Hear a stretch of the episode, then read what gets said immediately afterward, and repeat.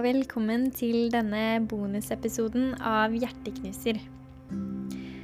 I dag så tenkte jeg at vi skulle fortsette der vi slapp forrige gang, og grave dypere inn i temaet om det å være den som slår opp.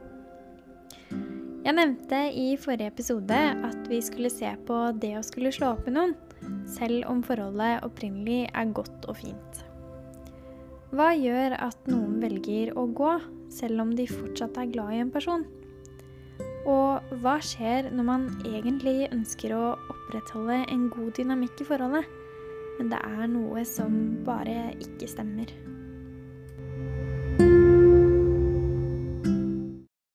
Du ser på personen.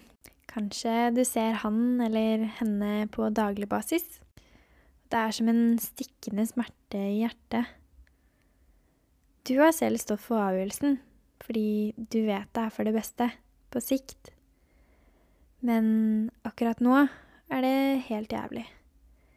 Nå når han står der og smiler og ler og bare er i godt humør, og du egentlig er i godt humør du også, for du er fri. Men det er som at noe ikke helt stemmer med forestillingen du lagde deg i hodet da du slo opp. Har du kjærlighetssorg? Er det mulig å få kjærlighetssorg av å selv dumpe noen? Du skulle jo egentlig bare være glad, du. For nå har du ingen forpliktelse lenger. Ingen som maser hver dag for å spørre om neste gang dere skal møtes. Du kan disponere fritiden din helt selv, uten å tenke på den andre. Ja, helt uten å gi det så lite som en tanke som svever forbi, midt oppi alt kaoset i hodet. Det er faktisk mulig å ha en følelse av kjærlighetssorg, selv om man selv har stått for avgjørelsen om å gjøre det slutt. Når man har investert mye tid og følelser for å bli kjent med en person, og man på en måte føler seg hel sammen med denne personen, så er det naturlig at kroppen reagerer med fysisk smerte selv om det egentlig er psykisk smerte du føler på. Det er ikke lenge siden jeg opplevde å få et panikkanfall etter å ha tilbrakt litt tid med en person som var ganske spesiell for meg. Vi hadde ikke fått snakket ordentlig ut om hvordan det føltes for oss begge. At vi nå skulle se hverandre ofte, men ikke lenger som noe mer enn bare venner. Og det var jeg som tok avgjørelsen denne gangen også. Det å skulle tilbringe tid med han, det var vanskeligere enn jeg hadde forestilt meg. For jeg trodde det skulle flyte naturlig, og at det skulle være lett å sitte i samme rom. Jeg trodde vi skulle fortsette som før, og at det ikke ville bli rart. Men da vi hadde sittet der en stund, så var det som at noe bygde seg opp inni meg en slags klump i brystet og halsen. Og han hadde ikke sagt noen ting der han satt. Han bare dreiv på med sitt, og jeg drev på med mitt. Men jeg hadde fortsatt denne følelsen inni meg. Og det var som at noen ble sugd ut av brystet mitt. En slags metafor, kanskje, på at den personen her, han betyr mye for meg fortsatt. Men vi to, vi sammen, vi fungerte ikke i lag. Og så begynte jeg plutselig å hyperventilere. Prøvde å skjule det for han, der han satt på andre enden av rommet. For jeg ville ikke at han skulle se det. Det kom som et sjokk for meg at jeg ikke hadde kontroll over følelsene mine. For det var jo jeg som ikke ville mer. Og det var jeg som tok avgjørelsen om at vi ikke var noe mer. Så hvorfor skulle jeg føle på noe i det hele tatt da? Og så prøvde jeg å roe meg selv ned. Ok, bare slapp av nå, Heidi. Bare jobb med ditt, og glem det nå. Du må gå videre. Men hendene mine, de skalv, og, og musikken i ørene mine stressa meg, og hele situasjonen var fryktelig ubehagelig. Og likevel så satt han der i sin egen verden og så like blid ut som vanlig. Det føltes riktig da jeg sa det, at jeg bare ville være venner, og ikke noe mer. Det føltes riktig der og da, og jeg hadde tenkt på det en liten stund. At det ikke helt føltes riktig å bli, selv om ting mellom oss var fint, og vi hadde koselig da vi var sammen. Alt gikk på en måte så lett da vi var sammen. Praten gikk i ett, og det var aldri et kleint øyeblikk. For kjemien var så sterk at jeg trodde vi kunne få til alt sammen. Bare oss to. Og vi var et team og hadde gått gjennom mye sammen bare på noen få måneder. Vi hadde samtaler som jeg aldri har hatt med noen før, og det hele føltes naturlig fra start til slutt. Og jeg var glad i denne personen.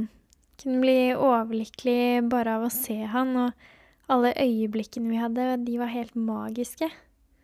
Og vi dansa, og vi lo, og fant på mye sprø ting. Og jeg følte meg trygg. Han var der for meg.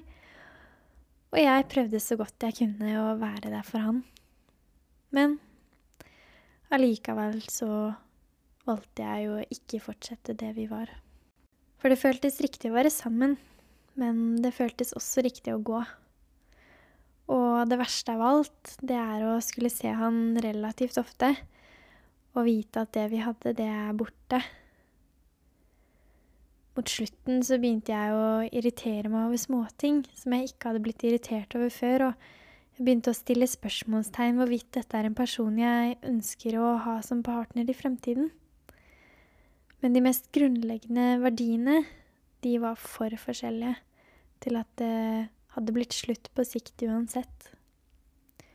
Og det var vi begge enige om. At det ikke kom til å gå slik det var mot slutten. Så jeg tok på en måte avgjørelsen for oss begge. Og han sa at det ikke kom som et sjokk, at det ville bli sånn uansett.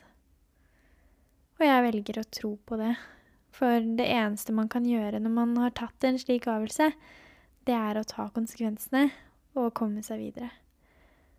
For det fungerer ikke å dvele og mimre tilbake til alt da alt var bra. For man må stå for de valgene man tar. Jeg tror det er mange som blir i et forhold for lenge. Fordi man kanskje er komfortabel med denne personen. Eller man føler seg trygg. Og tanken på å begynne på nytt med en annen, å skulle være sårbar igjen, og åpne hjertet sitt til en ny person, det kan i seg selv være vanskelig nok til at man ikke tør å ta valget om å gå. Og mange vil nok også tenke at nei, da var det sånn livet mitt skulle bli. Det er meg og denne personen for alltid, og det må jeg bare leve med og se forbi. Jeg tenker litt at gresset er ikke grønnere på den andre siden-mentaliteten. Det er litt for de svake. Det gjør ikke godt for noen.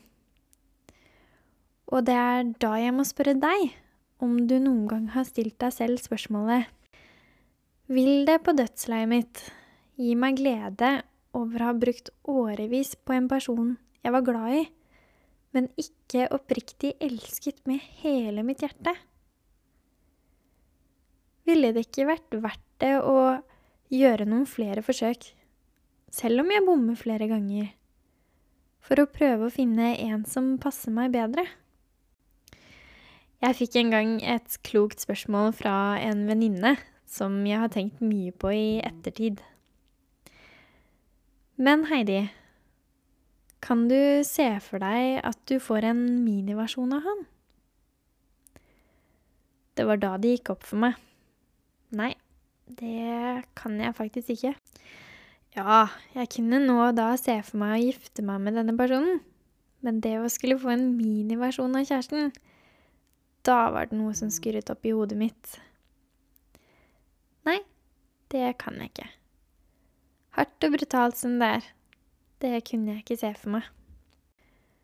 Du kommer til å møte situasjoner i livet der du er usikker på om valget du tar, vil være det beste for deg selv. Du kommer til å få det vanskelig, og du kommer til å komme deg over det. Og du kommer til å kjenne på glede igjen, både i ditt eget selskap og i andres. Og det er med disse tankene i hodet Jeg tenker at det vil være bedre å heller bomme gang på gang i datingfasen. Og tørre å si ifra før forholdet blir for seriøst. Tåle litt kjærlighetssorg og kjenne på smerten. For så, etter en tid, komme seg videre og prøve på nytt. Å våge å åpne hjertet sitt igjen, selv om man vet at det kanskje kommer til å gjøre vondt en gang til. For det er da man tar vare på seg selv og sine verdier. Det er da man har respekt og er ærlig overfor den andre sine følelser. Og sist, men ikke minst, det er da du respekterer deg selv nok til at du bare godtar det beste for deg selv. Så hva velger du? Halvhjerta eller helhjerta? Tusen takk for at du lyttet til denne bonusepisoden av Hjerteknusser. Jeg setter stor pris på hver eneste en av dere. Og følg meg gjerne på Instagram at hjerteknuserpod. Og legg gjerne igjen en omtale på iTunes hvis du vil det. Til tirsdag så skal vi snakke om det å elske seg selv og alt som følger med. Da skal det nemlig dreie seg om selvutvikling. Og frem til da så må dere ha en flott helg og uke frem til tirsdag. Vi snakkes! Ha det bra så lenge!